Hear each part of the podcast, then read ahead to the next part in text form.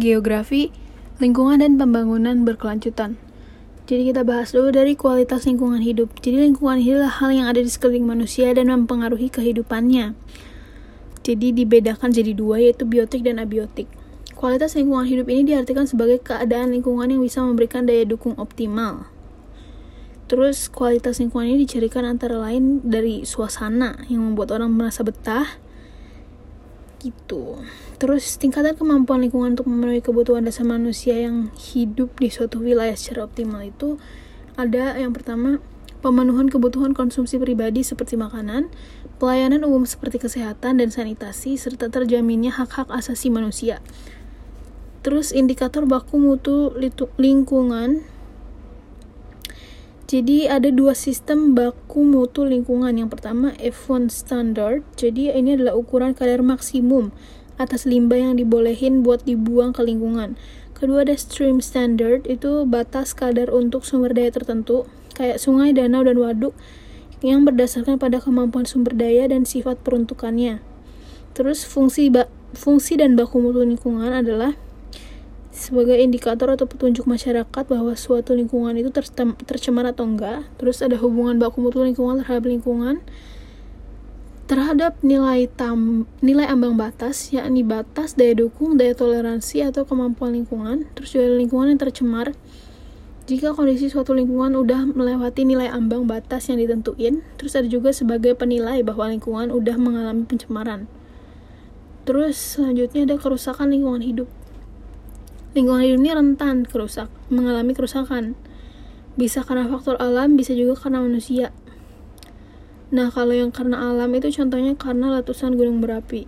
Gunung berapi ini terjadi karena magma di perut bumi yang menimbulkan tekanan kuat keluar lewat puncak gunung.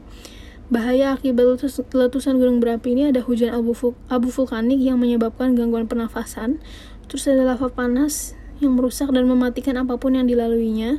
Terus juga ada awan panas yang bisa mematikan makhluk hidup yang dilalui. Terus ada gas yang mengandung racun dan ada material padat kayak batuan, kerikil, pasir yang bisa menimpa perumahan. Terus ada juga gempa bumi.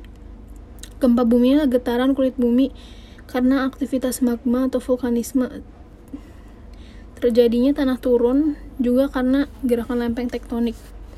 Dampak langsung maupun gak langsungnya itu ada kayak berbagai bangunan roboh tanah di permukaan bumi merekah, jalan jadi putus, terus tanah longsor akibat guncangan, terus juga terjadi banjir karena rusaknya tanggul.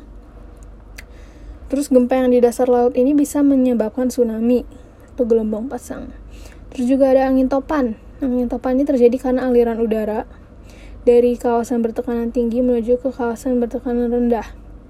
Perbedaan tekanan udara ini terjadi karena perbedaan suhu udara yang mencolok. Nah, kerusakannya bisa robohnya bangunan, rusaknya areal pertanian dan perkebunan, membahayakan penerbangan, um, menimbulkan ombak besar yang menenggelamkan kapal. Terus juga ada kerusakan lingkungan hidup akibat akibat manusia. Yang pertama adalah banjir. Jadi, secara umum penyebabnya banjir itu pendangkalan sungai, penambangan hutan secara liar tanpa reboisasi, pembuatan saluran air yang tidak memenuhi syarat, membuang sampah sembarangan, air laut, sungai, atau danau yang meluap dan menggenangi daratan, dan pembuatan tanggul yang kurang baik. Terus ada juga tanah longsor. Banjir ini bisa, men, e, maksudnya tanah longsor ini bisa menimbulkan kerusakan berupa menghambat transportasi darat, sulitnya mendapat air bersih, rusaknya areal pemukiman penduduk, rusaknya areal pertanian, rusaknya sarana dan prasarana penduduk, dan timbulnya penyakit-penyakit. So, ada juga kebakaran hutan. Penyebabnya bisa disengaja kayak buat bersihin lahan pertanian atau membuka lahan pertanian baru. Dan tindakan vandalisme. Terus juga kecerobohan manusia, contohnya membuang puntuk rokok sembarangan dan lupa matiin api di perkemahan. Terus ada juga pemanasan global. Glo pemanasan global ini adalah proses peningkatan suhu rata-rata atmosfer laut dan daratan bumi. Jadi, aktivitas manusia yang menyebabkan pemanasan global itu adalah pemanfaatan bahan bakar fosil. Pemanasan global ini menyebabkan naiknya permukaan air laut, meningkatnya intensitas fenomena cuaca yang ekstrim, perubahan pola hujan, terpengaruhnya hasil pertanian, hilangnya gletser, dan punahnya berbagai jenis hewan.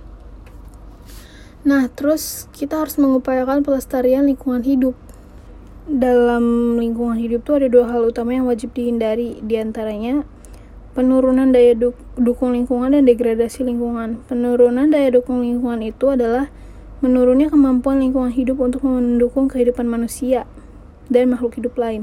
Kalau degradasi lingkungan itu adalah penurunan kualitas lingkungan, cirinya nggak berfungsinya secara baik komponen-komponen lingkungan sebagaimana mestinya.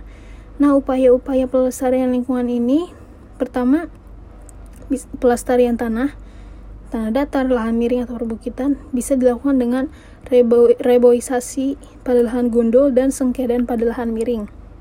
Terus ada juga pelestarian udara itu dengan menggalakkan penanaman pohon atau tanaman hias.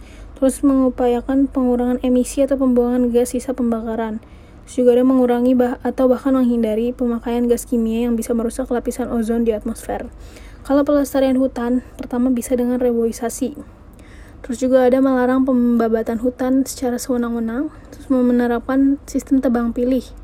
Terus juga menerapkan sistem tebang tanam dan menerapkan sanksi yang berat bagi yang melanggar ketentuan.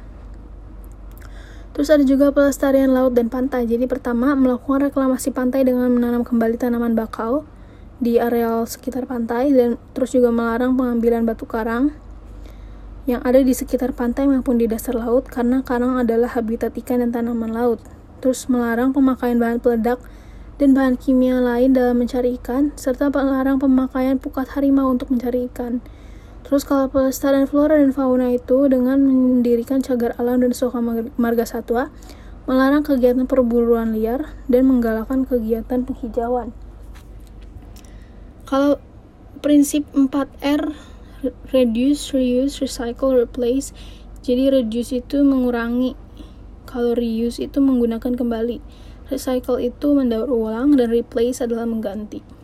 Lanjut ke pembangunan berkelanjutan. Jadi ini adalah pembangunan yang memenuhi kebutuhan masa kini tanpa harus mengurangi kemampuannya untuk memenuhi kebutuhan dari generasi mendatang. Nah, pembangunan berkelanjutan ini ciri-cirinya jadi memberi kemungkinan pada kelangsungan hidup dengan jalan melestarikan fungsi dan kemampuan ekosistem yang mendukungnya. Terus juga memanfaatkan sumber daya alam dengan memanfaatkan teknologi yang tidak merusak lingkungan. Terus ada juga memberikan kesempatan kepada sektor dan kegiatan lainnya buat berkembang bareng-bareng di setiap daerah. Terus juga ada meningkatkan dan melestarikan kemampuan serta fungsi ekosistem untuk memasak, melindungi dan mendukung sumber daya sumber alam bagi kehidupan secara berkesinambungan dan menggunakan prosedur serta tata cara yang memperhatikan kelestarian fungsi dan kemampuan ekosistem untuk mendukung kehidupan. Lanjut, pembangunan berwawasan lingkungan. Jadi, pembangunan berwawasan lingkungan ini adalah upaya sadar dan berencana menggunakan dan mengelola sumber daya secara bijaksana dalam pembangunan yang terencana dan berkesinambungan untuk meningkatkan mutu hidup. Lanjut ke konsep pembangunan berkelanjutan. Jadi, pembangunan berkelanjutan ini bertujuan buat meningkatkan kesejahteraan masyarakat Terus pembangunan yang berkelanjutan ini pada hakikatnya buat mencari pemerataan pembangunan antar generasi. Nah, sasaran pembangunan berkelanjutan ini untuk mewujudkan terjadinya yang pertama pemerataan manfaat hasil-hasil pembangunan antar generasi atau intergeneration equity. Artinya, Pemanfaatan sumber daya alam ini untuk kepentingan pertumbuhan perlu memperhatikan batas-batas yang wajar dalam kendali ekosistem atau sistem lingkungan serta diarahkan pada sumber daya alam yang replaceable dan menekankan serendah mungkin eksploitasi sumber daya alam yang unreplaceable. Terus kedua ada safeguarding atau pengamanan terhadap kelestarian sumber daya alam dan lingkungan hidup yang ada dan pencegahan terjadi gangguan ekosistem dalam rangka menjamin kualitas kehidupan yang tetap baik bagi generasi yang akan datang.